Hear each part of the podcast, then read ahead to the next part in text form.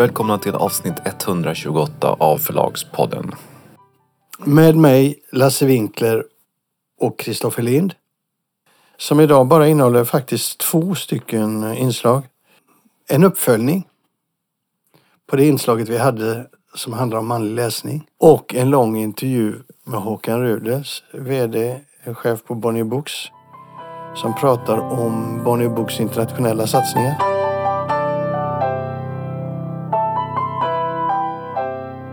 Vi talade för några poddar sedan om Åsa Bäckmans krönika om att männen har försvunnit som författare. Inte bara att de inte liksom läser utan de skriver inte böcker längre. Och vi pratade lite grann om det och då har vi fått en del synpunkter och jag tyckte två var ganska bra så vi kan ta upp dem. Mm. Det ena är från Anders Ström som tidigare jobbade som förläggare på Norstedts. Och han säger att ni har visserligen med i ert resonemang men Män har aldrig läst skönlitteratur i någon större utsträckning så det i sig är inget nytt. Och det har han ju verkligen en poäng i. Sen var det väl lite det som jag hade som ett, ett försök till förklaring också. Att, att, att männen har försvunnit till ger en mer rättvisande bild av hur det ser ut. Men sen fick vi ett eh, meddelande från en bokhandlare som vill vara anonym. Mm. Och hon skrev så här. Hon menade på att hon har visserligen anekdotisk men ändå rätt mycket erfarenhet från bokhandeln. Och hon skriver så här. Aldrig har jag hört en kvinnlig köpare backa från en rekommendation om en bok av en manlig författare medan det händer titt som tätt att vid det motsatta förhållandet, vill säga att män hasplar ur sig, är det en sån där kvinnobok. Detta oavsett genre har även varit med om att vi i personalen blivit anklagade av en man för att våra skyltade rekommendationer i butiken endast innehöll kvinnliga författare och att detta var dåligt för manliga läsare. Självklart stämde det inte då flera klassiker av manliga författare fanns uppe. Ändå har jag en ganska akut känsla av att fler kvinnor läser och läst Dr. Glas än män har läst Maken, bara ett exempel. Vad kan man dra för slutsatser? Kanske att män ur en viss generation aldrig lärt sig att identifiera sig med och se saker ur ett kvinnligt, kvinnlig karaktärsperspektiv. Jag tror definitivt att det är en åldersfråga. Samtidigt har unga män av olika anledningar inte börjat läsa överhuvudtaget. Lite tillspetsat och generaliserande, men ni förstår vad jag menar. Så då hamnar de äldre männen vid faktahyllan och tar ännu en bok om finska vinterkriget. Allt som oftast utgiven av Linde Company. Ja. Ja. Mm. Är det allt du har att säga? Nej, du, jag trodde du skulle fullfölja. Ja, alltså hon har ju rätt i detta. Men det är klart att vi i vårt inslag, vi valde ju en lite snävare genomgång av det här med att män läser så lite. Ja, nej, men det fanns väl ingenting i det vi sa som motsäger det som hon säger utan det är väl, det är väl liksom olika sidor av samma aspekt. Det vill säga att män, män läser väldigt lite män läser väldigt lite skönlitteratur och eh, män läser mindre. Och kvinnor, kvinnor har lättare att tillägna sig manliga författare, skönlitterära sådana i alla fall, eh, än motsatsen. Och... Det där tycker jag är en fråga som är, är extremt intressant. Jag tror att det är så och jag eh, kan ju inte hitta en förklaring till det. Varför män har svårare att identifiera sig med kvinnor än kvinnor med män. Det är en sån här grundläggande fråga tror jag. Ja, det är det. Samtidigt så tror jag att en, en del av, av eh, förklaringen ligger också i att man läser så pass olika från början. Det vill säga att män inte läser skönlitteratur i lika stor utsträckning och, och ehm, man läser mer ämnesorienterat och då blir, då blir liksom då blir det viktigare vad boken handlar om, vem som har skrivit den, än berättelsen i sig självt. Och jag tror exempelvis att de här böckerna om finska vinterkriget som hon tar upp som ett exempel på en typ av böcker som bara läses av män så, så, så, så kan man ju vända på det och säga att kvinnor skulle aldrig läsa en bok om vinterkrig. Där är ju också könsskillnaderna ganska stora. Jag tror inte att det är en bra, eh, intressant jämförelse att göra men däremot, jag har ju vänner som är som jag tycker väldigt mycket om, som är väldigt intellektuella och intelligenta. Och som aldrig kan tänka sig läsa en skönlitterär bok för de tycker inte de har tid. De har så ont om tid på att läsa så allt de läser är då för att lära sig mer kunskapsorienterat. Jag förstår inte den tanken, varför man tror att man inte kan lära sig något i skönlitterär litteratur. Men, eh, men så är det. Jag möter den i min, min bekantskapskrets. Mm. Gör du det? Ja, nu rör du dig kanske mest till Nej, jag har ju en annan typ av bekantskapskrets kanske. Men nej, men det är klart att jag känner ju till att sådana män finns, absolut. Det, sådana stöter man ju på då och då. Men det, det, det är en avgörande och grundläggande skillnad i läsning och läsbeteenden mellan män och kvinnor. Som oavsett vad den beror på eh, naturligtvis påverkar det här, det här fenomenet att männen försvinner också som författare. Alltså jag förstår människor som inte läser, som inte kan ta till sig eh, läsning. Kan ju bero på olika saker. Men människor som läser, som ändå inte läser, förstår att läsa skönlitteratur. Vikten av att läsa skönlitteratur.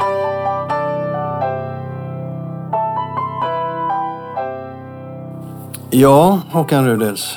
Det är dags för dig med att prata allvar. Trevligt. Eller hur? jag har ju velat prata med dig länge, länge om händelserna i Norge. Men egentligen så tänkte jag att vi skulle prata om även hur läget är. Du är ju ansvarig för Bonnier Books helheten och du har ju en väldig blick internationellt som vi andra inte har. Och framförallt har du det på djupet hur marknaden ser ut. Och då tänkte jag, vem är bäst att prata med fram till mig? Jo, det är ju du. Och samtidigt då vill jag prata lite Norge. För det hände ju något som man tittar tillbaka historiskt på Bonniers har aldrig hänt förut. Och då sa du till mig så här, det är ingen som är intresserad. Ja, exakt. Och det sa alla intresserade av. Så vi får se vem som får rätt, du eller jag. Mm. Var vill du börja? Ja, men du får nästan... Eftersom jag då, min utgångspunkt är att ingen är intresserad av vad vi pysslar med i Norge. Så du får nästan... Vad vill du veta? Vad kom det sig att ni sålde? Våra 50 procent i Kaplendam? Ja. Eh, nej, men det är ju inte en anledning egentligen, utan det är ju... Vi har funderat och pratat mycket. Egentligen startade en ganska stor förändring av Bonnie Books hösten 2017 när jag tog vid. Jim Zetterlund eh, med flera tog oss an eh, Bonnie Books. Där vi eh, började ett arbete på att, kanske inte renodla, men i alla fall fokusera Bonnie Books. Vi bestämde oss också för att det är inte nödvändigtvis så att vi behöver vara störst i en marknad utan vi vill gärna vara bäst och bäst menar vi att det ska vara kul att jobba tillsammans med oss. Det ska vara kul att jobba hos oss. Och då över tid blir man nog ganska stor. För uppenbarligen gör man rätt saker. Någonstans är det där och sen så hade vi utifrån det, vi hade de här mötena vi har, styrelsemötena med Egmont, Bonnier och, och Kaplan Och jag kände väl att det är väl kanske inte riktigt så vi vill driva förlag, att sitta i styrelsemöten ett par gånger om året och vara väldigt... Nu, nu, eh, nu får vi den polerade versionen. Nej men vara väldigt formell och inte... Eh, men så här, vi tycker att det är jävligt kul med förlag. Det är det vi gör. Vi är liksom inte en finansiell placerare i förlagsverksamhet. Utan vi, eh, vi äger ju förlag, vi jobbar ju med förlag på riktigt. Liksom. Och då ett 50-50 ägande är ingen höjdare. I alla fall inte min erfarenhet. Eh, det finns säkert 50-50 äganden som är fantastiska men jag har inte eh, varit med om det än. Så vi känner att vi vill hitta en annan konstruktion i Norge. Det var liksom starten. Sen exakt hur det skulle bli, det visste vi inte. Och sen i och med att vi hade köpt eh, två förlag, förlag från Stordalen och hans eh, kompanjoner redan så hade vi ju en... Ja. En plattform? Ja, precis. Vi hade ju en kontakt med dem såklart. Som har funkat väldigt bra. Och då, Stråberg i Norge eh, kunde ju vara en pusselbit för oss i det här. För vi vill inte lämna den norska marknaden. Vi tycker norska marknaden är viktig. Vi har ju också etablerat oss i Danmark för att vi tycker att vi på riktigt ska bli en nordisk. Men där, Håkan, den som kan sin historia vet mm. ju också att Maria Kurman byggde ju upp mm. plattformen både i Danmark, sålde av i Danmark, stärkte positionen i Norge. Historiskt har det fungerat väldigt bra. Du och ni har en annan strategi idag. Mm.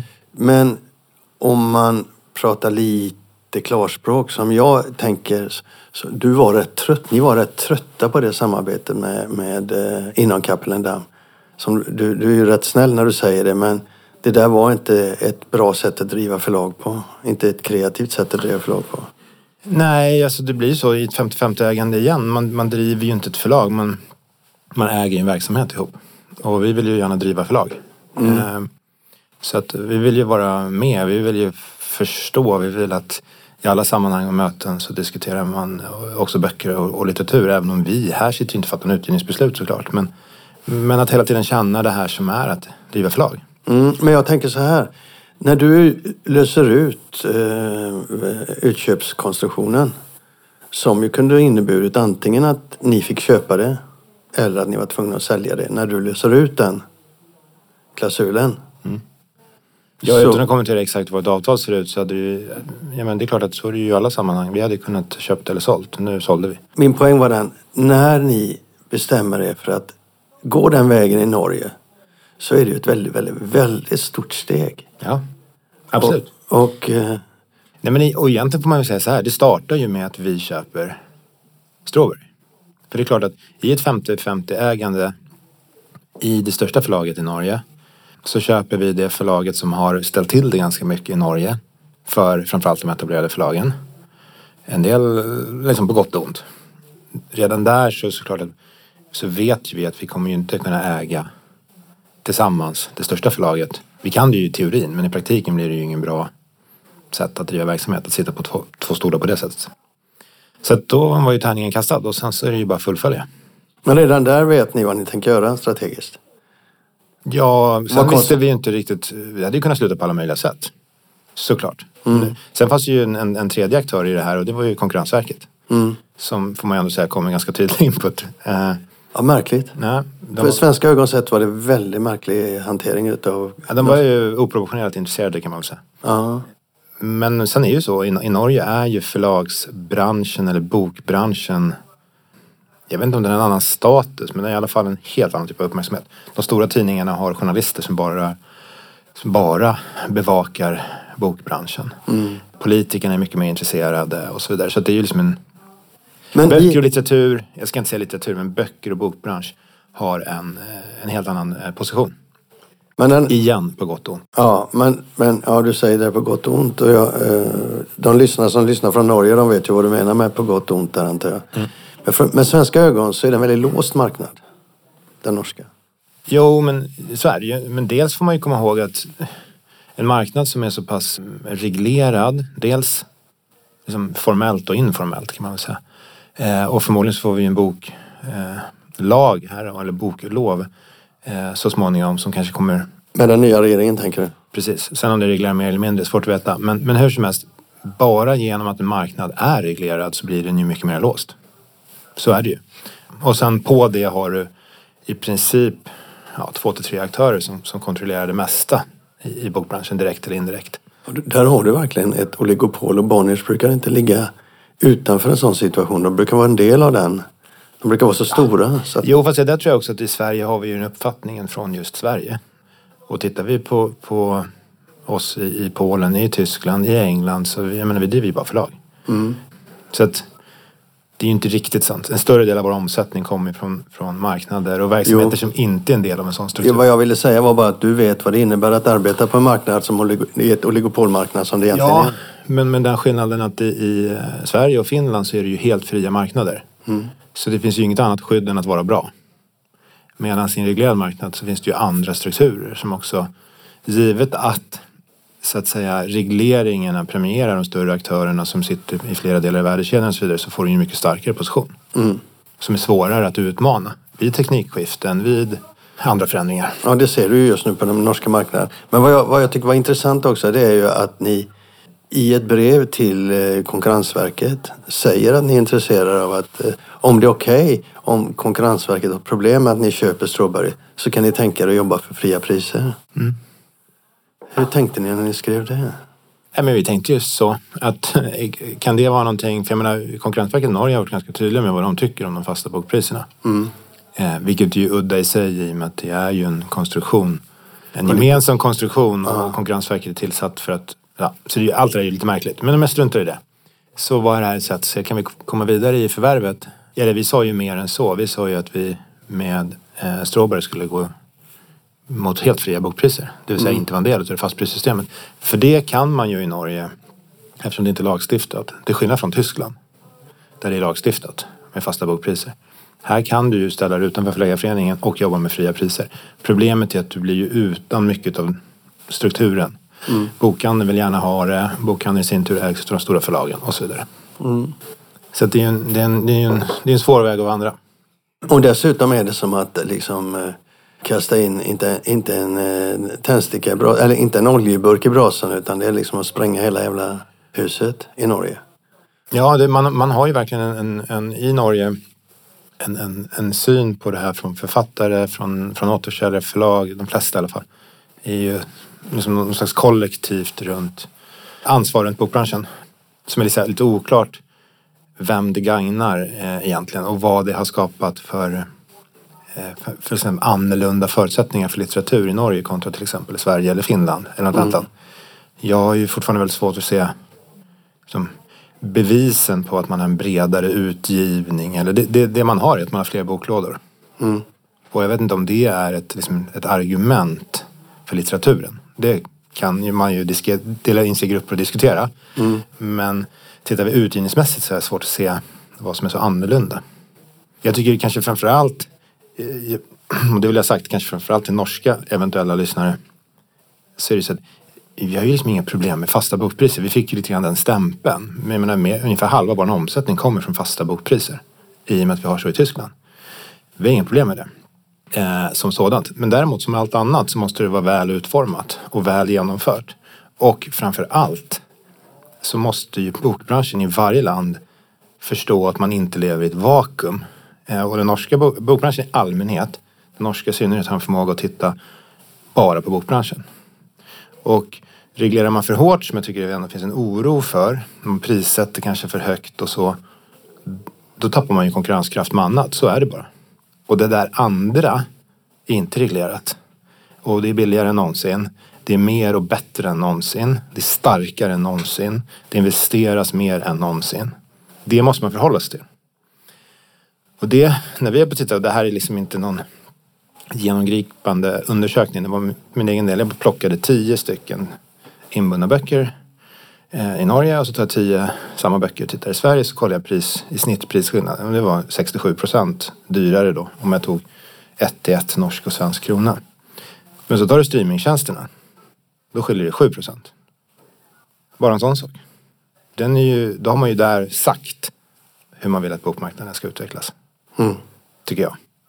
Jag menar inte att, att kanske att streamingtjänsten ska regleras hårt, eh, hårdare, men man kan fundera på den här prisskillnaden. Men också gentemot andra digitala tjänster. Så jag tycker det finns mycket att, fundera på i, i den så att säga. För först måste bokbranschen se till att det blir en bokkrona. Sen kan vi börja tjafsa om vem som ska få den här bokkronan. Vilket förlag, vilken författare, vilket segment av bokmarknaden, vilken återförsäljare och så vidare. Men många bokbranscher och definitivt norska, utgår ifrån att bokkronan finns. Och det är väl kanske min största oro om man reglerar för hårt i en, en boklagstiftning i framtiden. Att vi tappar kollektivt i konkurrenskraft mot, mot annat helt enkelt. Och då vet jag vad svaret blir. Men böcker är inte som mjölk eller så. Nej, det är alldeles riktigt. Och mjölk är inte böcker. Men fortfarande så, så, så fightar vi om folks tid. Mm. Och nu när du då, nu när Bonniers då eh, lansera, det kommer att heta Bonnier förlag. Bonnier Norsk förlag, ja. ja. Då eh, kommer det att vara en annan mentalitet i det förlaget än, självklart, än det var i Kapellendam. Och, ja, du, och du får ett annat utrymme att vara med på banan. För du var rätt låst, du kände dig rätt låst i Kapellendam. Det var Nej, bara... men det, jag tror man, det är massa saker i det här. Det ena är att Kapellendam är en stor koncern med läromedel, med allmänlitteratur. Vi hade bokhandel, det har vi dragit oss ur medan vi fortfarande var ägare. Man har egen distribution och så vidare. Så det är, det är en koncern. Medan Bonnier Norsk förlag, det är ett förlag. Det är 100% förlag på allmänsidan. Så det är klart att det är två helt olika saker. Och det ena är en marknadsledare, det andra är en utmanare. Och vi har ju fått lite blodad tand. Det är jävligt kul att vara utmanare. Vi har ju fått vara det i Danmark med etableringen av Gutkind och sen Alfa. Fått en fantastisk start där och det är otroligt kul. Jag vet att många här kanske liksom förknippar oss med ja, det är Bonnierförlagen och det är VSA och så vidare. Men att, att, att å andra sidan få vara det mindre förlaget som faktiskt utmanar och inte har så mycket att förhålla sig till. Superkul. Mm. Du har ju så mycket bredare spektrum av saker du kan göra mot om du är marknadsledare som ska ta, förhålla dig till så mycket andra saker. Mm. Sen tycker jag ingen synd om marknadsledaren, det gör inte jag heller. Det är inte det jag säger. Men det har varit jävligt roligt. Och det är det vi ska försöka skapa i eh, Norge också. Den, den pigga, roliga uppstickaren å ena sidan. Men sen har vi tyngden från eh, 200 års liksom, förlagshistoria. Och det är klart att vi kommer ha en mycket eh, liksom, bredare ambition än vad Stråberg hade. Den gamla Stråberg. Och en mycket högre litterär ambition. Vi sa det, jag var i Danmark och hade en presentation för Danska förläggarföreningen för kanske två månader sedan. Sa det där, så det är samma sak i Norge. Att över tid så är vår ambition att bli en del av den danska kulturhistorien och vi ska bli en del av den norska kulturhistorien. Och då behöver man ha en viss ambition och det har vi. Mm. Det, I vår värld är det aldrig antingen eller. Det är alltid både och. Vi behöver inte ställa det ena mot det andra. Vare sig format, vare sig digitalt, eh, det är fysiskt eller det här är litterär litteratur, det här är kommersiell litteratur. Alltså det spelar liksom ingen roll. Vi vill vara överallt. Mm. Precis som vi människor sällan är bara det ena eller andra. Så, så, så ska också litteraturen vara komplex liksom, på det sättet. Låt oss gå till en annan marknad mm. som sticker ut lite, åtminstone i min, eh, i min värld, den brittiska. Mm. Där finns ni också sedan ett antal år. Ja. Och där har vi ju pratat om, och det är inte det vi ska, vi ska inte mm. prata nu om den här rättssaken och så, utan vi ska prata om profilen mm. eh, på eh, Bonnier. Books UK. Ja. Och vilka utmaningar står inför. Nej men, jag menar det har ju varit en extreme makeover kan man väl säga. Ja, verkligen. De sista åren. Och det är samma sak där. Vi är ju liksom, eh, som, som jag beskrev vad vi försöker vara i, i Danmark respektive Norge, så är det samma sak här. Här måste vi ju liksom lägga ambitionen och idén med förlaget på samma liksom, nivå som i Sverige och Tyskland och så vidare. Så ett bredare förlag, högre litterär ambition, ett, ett modernt förlag ur ett ledarskapsperspektiv, diversity-frågor, sustainability, alla de här bitarna. Där är de väldigt stora. I Storbritannien är det väldigt stora frågor just nu. Ja, ja. Eller, jag ska inte säga just nu, det har kommit till förlagsbranschen. Men, ja, men, men diversity-frågan framförallt är ju otroligt mycket, på, mycket mer på riktigt. I Sverige är fortfarande mycket teori. Och där är det ju liksom på riktigt. Jag menar, i Bonnie Books UK till exempel, vi publicerar ju sån diversity Eh, rapport som görs externt. Den publicerar vi på vår, på vår sajt, hur det ser ut hos oss och vad, vad vi är mer, eller mindre nöjda med och så vidare. Så det är som en fråga man lever med på ett annat sätt. Ja, det är en helt annan profil på det förlaget om man tittar in, eh, jämfört med Sverige och Norge. Ja, och Danmark. är det men, och Tyskland också för all del. Men, men, men samtidigt rörelsen är ju eh, åt att, jag menar, det som skiljer ut det mest är att vi har Iglo i gruppen som är egentligen en packager. Eh, så. En packager ska vi då förklara för lyssnarna. Ja men väldigt mycket massmarknad. Det handlar om att eh, göra framförallt barnböcker på ja, men Tukan Sverige. Mm. Delar av Tukan, Tukan ska jag säga. Om man, eh, Tukan, Jämför jag. Ja exakt. Men kanske med den skillnaden att eh, Iglo är ju, producerar mycket sånt originalinnehåll och säljer till väldigt, väldigt mycket länder. Bland annat Tukan i Sverige. Bland annat Tukan, precis.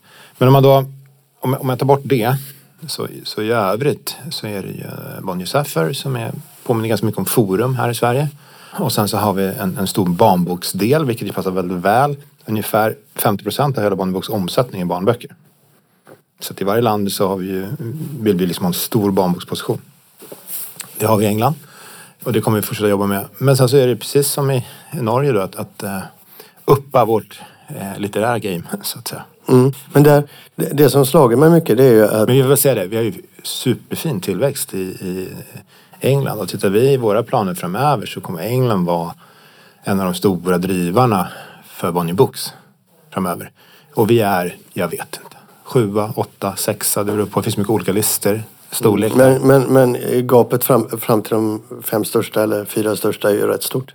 Ja, ja. men som jag sa, liksom, vårt endgame är ju inte nödvändigtvis att vara störst i England. Vad är det som gör oss bättre för att vi är störst i England? Nej, nej men jag tänkte... Vi är ju inte störst i Tyskland, men vi är lönsammast. Men där ligger ni trea. Vi kommer strax dit. Tvåa. Vi kommer strax dit. Men tillbaka till det här med diversity mm. och... Eh, Sustainability. Ja.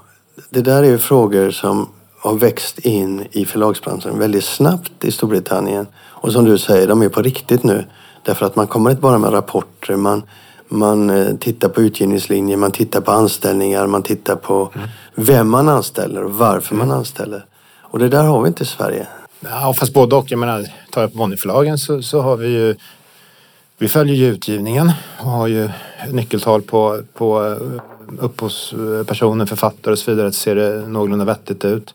Vi har en, en rekryteringsprocess som är helt anonym, det vill säga ska jag rekrytera någon här så ser man inte vad de heter, vad de har för kön och så vidare.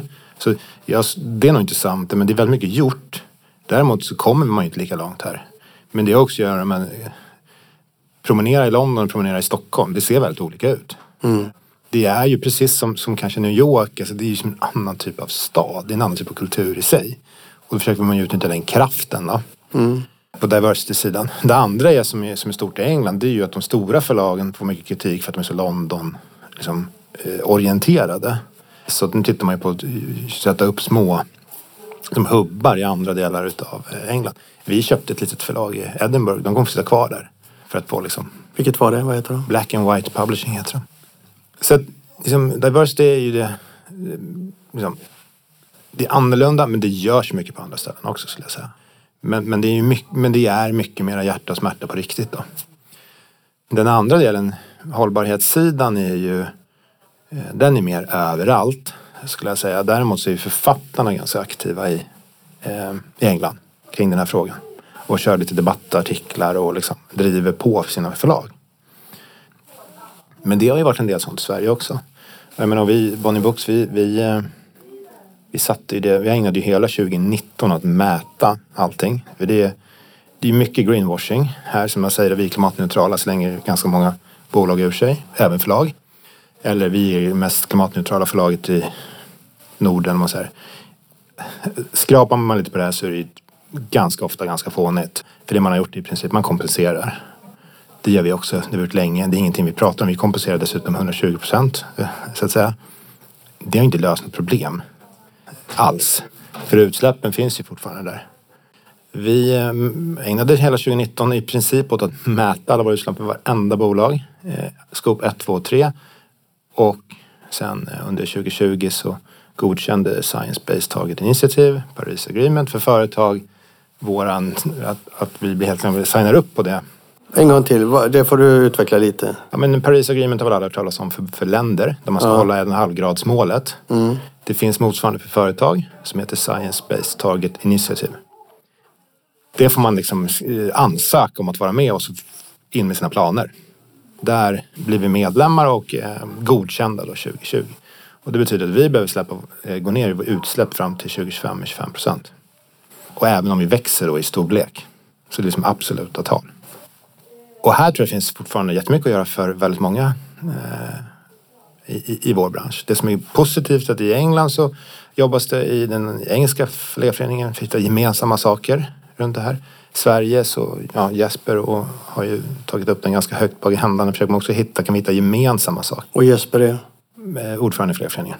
Jesper Montana, Ja. bara för lyssnarnas skull. Det är ju såklart inte bara han, men det är ju han som jag har pratat med så att säga, härifrån. Så det sker ju supermycket. Det kommer ske jättemycket framöver på det här området. Och det kommer, finns också, om det mot förmodan skulle finnas någon som inte tycker att det är viktigt, det är svårt att tro, så finns det ju också en, ett- en, en självbevarelsedrift i det här. För det kommer med all säkerhet komma skatter på den här typen av utsläpp. Det är mycket snack om det i Tyskland och, och Tyskland brukar sen få EU med sig. GDPR var ju tyskt, blev EU och så vidare. Så att det här är en, en, en, en fråga som är, som är väldigt stor och väldigt komplex om man på riktigt vill eh, oj, eh, sätta sig in i den och jobba med det. Ja, du ser ju den på flera marknader. Eh, om vi går till Tyskland då, så är väl det landet i Europa där den här frågan är starkast etablerad politiskt. Ja, hållbarhetsmässigt skulle jag säga. Och samtidigt så är det ju så här otroligt märkligt i Tyskland om man tar... Eh, de plastar ju fortfarande böcker, de flesta stora förlagen. Vi slutade ju med det kanske tre år sedan. Och vi trodde vi skulle få med oss eh, många förlag, vilket vi absolut inte fick. Och, eh, så, och vi måste fortfarande plombera böckerna för bokhandeln tycker inte att man kan sälja en bok som inte är plomberad för då kan den ju vara använd. Sådär. Så det finns mycket eh, Okej. kvar att göra i Tyskland. Men i Tyskland är ni då som du sa tvåa. Ja. Och det, hur många förlag har ni där? Ja, det beror på vad ett förlag och vad ett imprint är. Men säg att vi befinner oss i fem städer med fem huvud så att säga, förlag. Då. Och de är? Ullstein, Piper, Carlsen, Ars Edition. Ja du, det är nog kanske två till Mm, som jag inte minns nu. Okej. Ja. ja. Och ni ligger sammanlagt då tvåa med, dem, Ja. med hela gruppen då så att säga. Mm, Pengarna är något större. Vad sa du? Pengarna är något större, men det är inte mycket. Men där på den tyska marknaden eh, med svenska ögon, vad ser du då? Vad skiljer sig där av intresse för? Men jag tycker så här att överlag, när vi tittar på en marknad så finns det ett antal saker som är viktiga. Och som sätter sin, sin väldigt så här, tydliga karaktär. Som också gör att eh, jag tycker att det enda sättet att driva förlag, ett för att det ska vara kul, två för att det ska bli bra, är kraftigt decentraliserad. Med stark lokal liksom, förläggeri och management. Och det är för att varje marknad är på riktigt väldigt annorlunda. Och det är några saker. Det ena är ju såklart kulturens ställning i stort. I, i samhället, i, i landet, i, i demokratin och så vidare.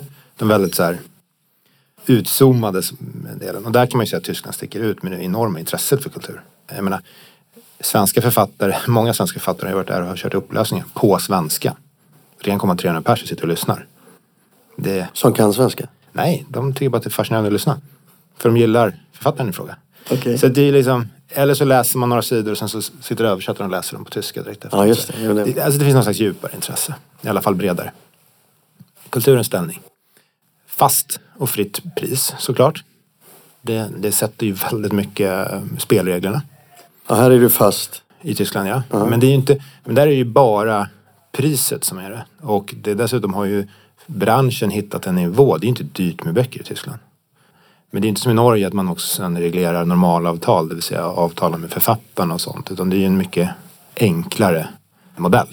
Men i alla fall, eh, fast och eh, fritt pris. Sen har man ju såklart digitaliseringsgraden.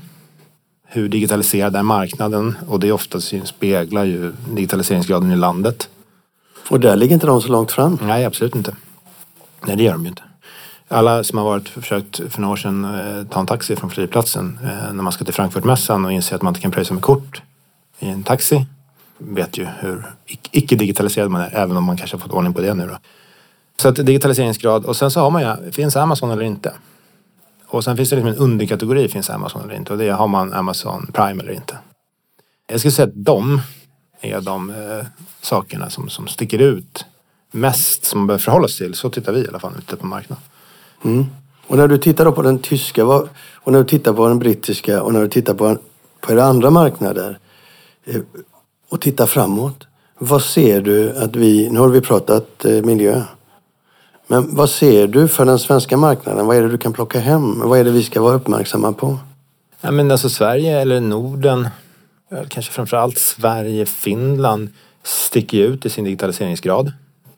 Framförallt ljudsidan som, som, som alla vet. Eh, och igen, på gott och ont. Men den, den är ju väldigt speciell och då är frågan, kommer övriga Europa bli som eh, Sverige, Finland? Finland är väl ännu mer extremt än Sverige skulle jag säga idag. Eller är det här någon slags eh, liksom, tulpanhetsen i Europa? Att, vi liksom, att, att det här har gått för snabbt och för mycket. Och det är snarare vi som kommer anpassa oss efter övriga Europa. Att vi hade en väldig peak och sen lugnade ner sig. Jag vet inte. Men det är den stora skillnaden, skulle jag säga. Sen är det ju en skillnad i, i, i eh, Sverige och Finland igen framförallt. Att bokhandelns andel är väldigt låg utav den totala försäljningen. Den ligger där någonstans 20-25 procent. Medan i de flesta länder är det mellan 40-45 kanske. Den är ju också väldigt speciell. Men det har ju också att göra med att eh, Amazon inte är på plats. För att även om de är på plats i Sverige. Det var en fantastisk usel artikel i Dagens Nyheter i helgen kring Amazons fiasko i Sverige där liksom ingen ställer sig frågan, bryr de sig om böcker i Sverige? Utan man, utgångspunkten är att de, de vet inte hur man gör. Och jag tror att när man får tänka på Amazon och Sverige att de inte är särskilt intresserade av bokförsäljningen. Men, men eh, hur som helst, så att, jag menar Amazon har ju satt en annan det är så uppenbart vilken enorm påverkan det har på den tyska marknaden trots fastpris. Och den engelska där det är fritt pris. Så det finns många saker. Det ena är, okej, okay, digitaliseringen, är den bara här? Är, topp, är det här någon slags extrem topp? Och sen så ur det kommer någonting lite annorlunda. Eller fortsätter det? Och det andra är Amazon, hur förhåller de sig till det här? Kommer de, kommer de någon gång satsa på böcker i, i Norden? Jag tror ju inte det, men, men det kommer också eh, påverka väldigt mycket. I övrigt så tycker jag så här, men det är svårt att jämföra 100 miljoner tysktalande och ett Sverige. 10 miljoner. Nej, exakt.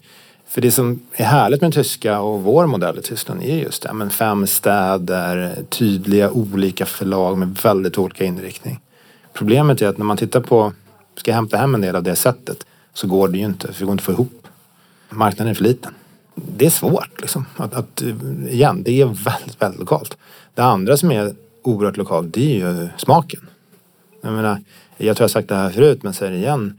Tar man de tio mest sålda böckerna i alla länder vi är så är det så här 80 procent. I Sverige tror jag det var 10 av 10. Är ju inhemska författare. Tar man på filmsidan så är det precis tvärtom. Då är det liksom domineras det. Det 80-90 procent utav utländska filmer i varje marknad. Så det är ju en väldigt lokal företeelse, böcker och litteratur. Och då säger alla, om man kollar på Harry Potter och kollar på Dan Brown, absolut, det finns massa internationella rättigheter. Men de är oftast liksom one-offs. Det mest populära och det stora är inhemskt. Mm. Så liksom, kulturen i vår värld är väldigt, böcker är väldigt kopplat till vårt lands nästan personlighet. Det är du, uppenbart. Ja, men du tittar ju, ni tittar ju och ni gör analyser hela tiden på en nivå som svenska, andra svenska förlag inte har möjlighet eller åtminstone inte gör riktigt. Vad ser du om du tittar framöver? Nej men alltså såklart, och det är ju verkligen inte någonting som kommer fram i en analys eller så gör oss något speciella. Men det, den, den absolut största frågan nu, det är ju vad har vi för marknad efter pandemin? De sista två åren, 2020-2021, kommer ju gå till historien som förmodligen de bästa bokbranschåren någonsin. Och det är klart att med, med den tillväxten har vi satt en ny bokmarknad. En ny nivå på bokförsäljning som, som, som är, liksom, det är det som är vår utgångspunkt. Det är inte 2019 längre. Då är det förändrat. Ja, då för, att, för att lyssnarna då ska fatta så är det ju så då att tryckta böcker håller sig på samma nivå. Nej, nej. Det, det här är en annan missförstånd skulle jag säga. Eh, pandemin har inte handlat om digitala böcker. Pandemin har handlat om fysiska böcker och e-handel. Det är de två stora vinnarna. Digitala böcker, ljud, e, det har ju följt ungefär samma som planer som var innan och samma trend. Men det har ökat otroligt mycket? Nej, jag ska inte säga. Alltså det ökar ju men det är, inte, det, är inte så, det är inte så mycket mer extremt än det var innan. Den stora grejen under pandemin är eh, fysiska böcker och e-handel. Där har det ju skett en enorm framflyttning. Och varför? Ja du, men jag menar jag tror att, eh, och nu är det ju bara verkligen, nu kör jag ju som ni gör i en podd, bara sitter och skjuter ur mig utan att ha egentligen en aning. Vilken, vilken snygg eh, kritik som bara kom från sidan. ja men chansar då. men jag tror att en del är ju, vi har levt i, en, i en pandemi. vi har aldrig varit med om någonting liknande.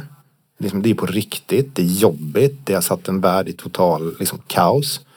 Vi har hållbarhetsfrågan, klimatet. Det är ganska så här, och det är ett läge i världen som, det är länge sedan det var så spänt.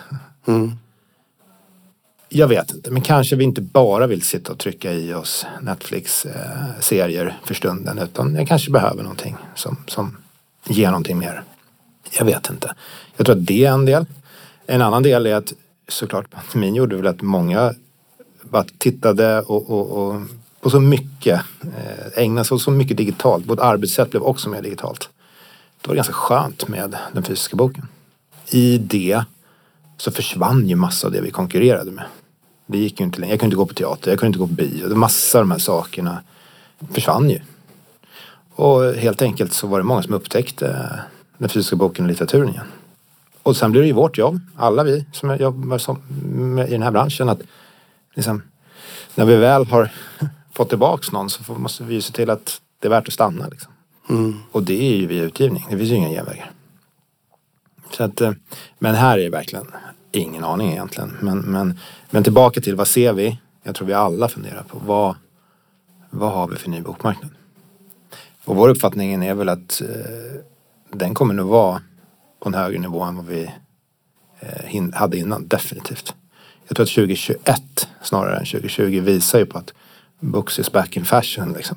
Mm. Vi är på en annan nivå. Dessutom får man ju tänka att förlag framförallt då har ju, fått, har ju helt andra resurser nu. Nu är det två väldigt fina år. Förlag kan ju börja investera på ett annat sätt än tidigare. Det bör göra oss bättre också. Mm. Kollektivt. Tillbaka till att vi ska vinna Bokkronan. Eh, sen kan vi inte matcha Disney Plus och alla de här. Det, det, det kan liksom, det är någonting annat. Men det tror jag att man får skita i. Mm. För det går inte att förhålla sig till riktigt. Annat än att vi ska vara relevanta och duktiga hela tiden.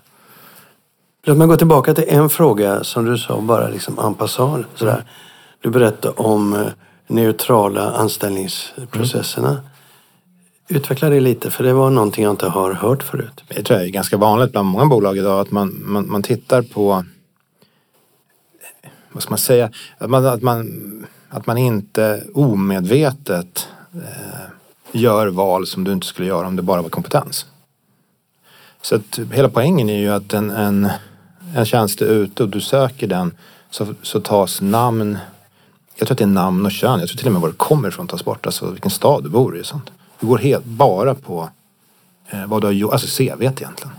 Vad du har gjort och hur du har beskrivit vem du är. Så alla, alla ansökningar rensas för att man inte ska veta och ha sina fördomar så att säga Ja. inlagda i processen. ja. Och du säger att det är väldigt vanligt? Jag vet inte, men jag, jag, jag är väldigt vanligt vet jag inte. Du får nästan prata mer med Thomas Torehus här då. Men, men jag tror att det är ganska vanligt idag. Mm. Men, Ni, men gör så, ni gör så i alla fall? Bonnie, Bonnierförlagen gör så, absolut. Mm. Så är det. Ja, nej, jag är väl lite illa, eh, lite dåligt insatt i den processen då, så det var Ja, intressant. det, jag är ingen expert heller, men, men, men det är ju, det här är ju svårt ju. Så att det här är ett sätt. Men det är ju ingen lösning, totallösning, men det är ett sätt. Är, det, är det så man resonerar i Storbritannien också? Ja, men igen, där är man ju... Det ser så himla annorlunda ut igen. Jag säger det bara, det är bara för oss alla. Ta en promenad i London kontra en promenad i Stockholm. London är ju en smältdegel, som New York. Det är ju i grunden så mycket mer mixat. Det är sant. Eh, vilket är ju superhäftigt. Så när de pratar diversity och inclusion, då är det ju inte... De har absolut man, kvinna perspektivet, men jag skulle säga att det är, det är framför allt just diversity-frågan som är stor. Snarare än en... en eh. Men det är det här som är poängen med en grupp. Då, de är otroligt duktiga långt framme, både som, som, som land sett, med vår verksamhet fokuserar väldigt mycket på det. Då är det best practice att titta på vad av det här kan vi använda i våra andra verksamheter. Medan något annat land har kommit väldigt långt i, det kan vara en distributionsfråga eller vad det nu är. Så, Eller digital... ja, exakt. Och, och det är ju så vår grupp fungerar snarare än eh, nu ska vi köpa rättigheter ihop. Ja, det där är lite intressant därför att det finns ju en del förlag som gör det numera aktivt. Köpa rättigheter ihop. Ja. Och det pratar ju emot det du sa förut om, om, om att marknaden är väldigt lokal. Ja. Sen klart det finns massa rättigheter som färdas väldigt bekymmersfritt. Men vår utgångspunkt är ju ändå att det ska ju finnas en förläggare som vill ge ut boken. Det ska inte finnas en förläggare som vill ge ut boken. Utan det ska finnas i, i, i varje land där den ska ut. Jag tycker HarperCollins Nordic är ett bra exempel på att det kanske inte är så lätt bara för att man sitter på mycket rättigheter. Nej. Nej, men då kan ju då lyssnarna veta det att HarperCollins har den linjen. Det är de främsta eh, Jag vet inte om de representanterna. har det fortfarande men, men de försökte väl med ett gäng titlar här i, ja, i Norden eh, till exempel. Så, men igen, egentligen, vi lägger väl in, jag lägger liksom ingen värdering i det utan vår modell i alla fall inte den. Kommer vi köpa någon rättighet då och då ihop? Säkert, om det är det som, som eh, rättighetsinnehavaren vill. Eller vi ställs mot det. Men är det vår linje? Nej, det är det inte. Du, morgondagens eh, bokmässor, hur kommer de se ut? Ja. alltså. Min gissning är lika dålig som alla andra skulle jag säga. Det är ju jätte, jättesvårt att, att äh, veta. Jag tror ju att Frankfurt aldrig kommer att komma tillbaks på den, i närheten av den nivå man var på. Det kommer bli en, en, en mer tysk mark, äh, bokmässa än, än vad den har varit. Äh, även om den kommer vara den tror jag kommer vara mitt emellan årets och eh, eh, 2019 liksom. Den kommer inte vara... Eh, den Det kommer aldrig komma tillbaka. Nej, inte i den här storleken det Dels ska man komma ihåg att alla mässor har haft, haft såklart en fruktansvärd tid. Så de har ju skalat ner så mycket. Så resurserna finns inte där. Och, och det andra är att det verkar ju också som att vi kanske får leva med en variant av den här pandemin under väldigt många år. Med nya vaccin och nya påfyllningar. och annat. Vill vi vara 100 000 pers på en plats eh, på samma sätt? Jag vet inte. Men, men, och sen i kombination med det vi alla har sett, att väldigt mycket går att lösa på annat sätt.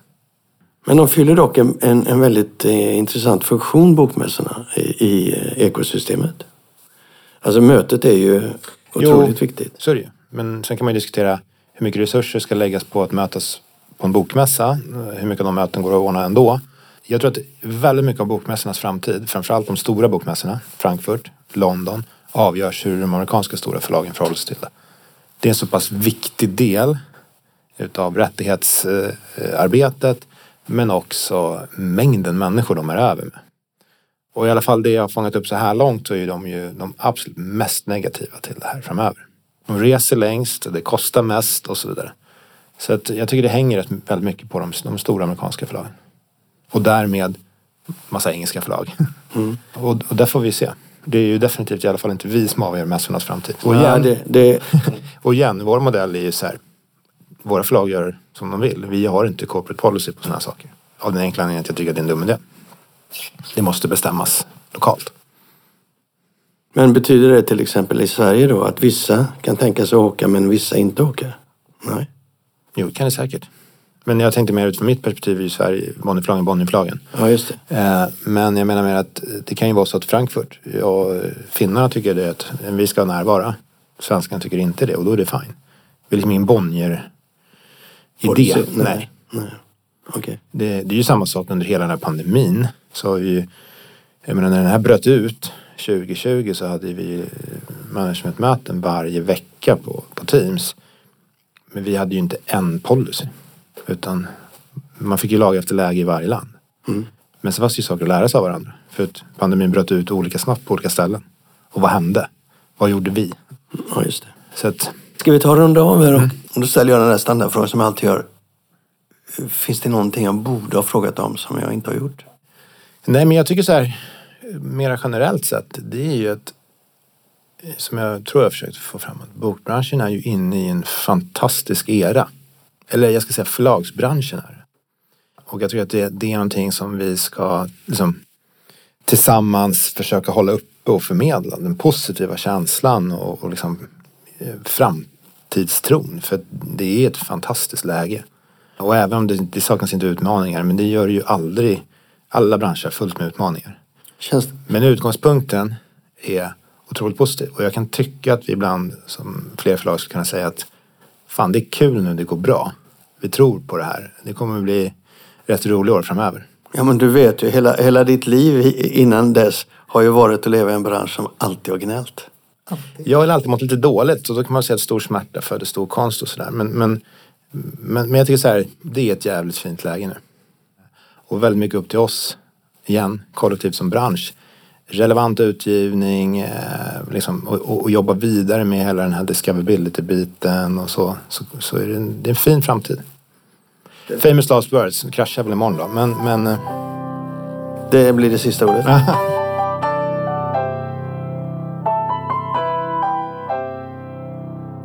Ja, det var allt för avsnitt 128. Vi hörs och ses efter jul och nyår. Det gör vi. Ja, i säg runt 17 januari och sånt där. Men vi kom, ni kommer att höra oss igen. Mm. Hej med er. God jul allihopa. Just det. God jul och gott nytt år.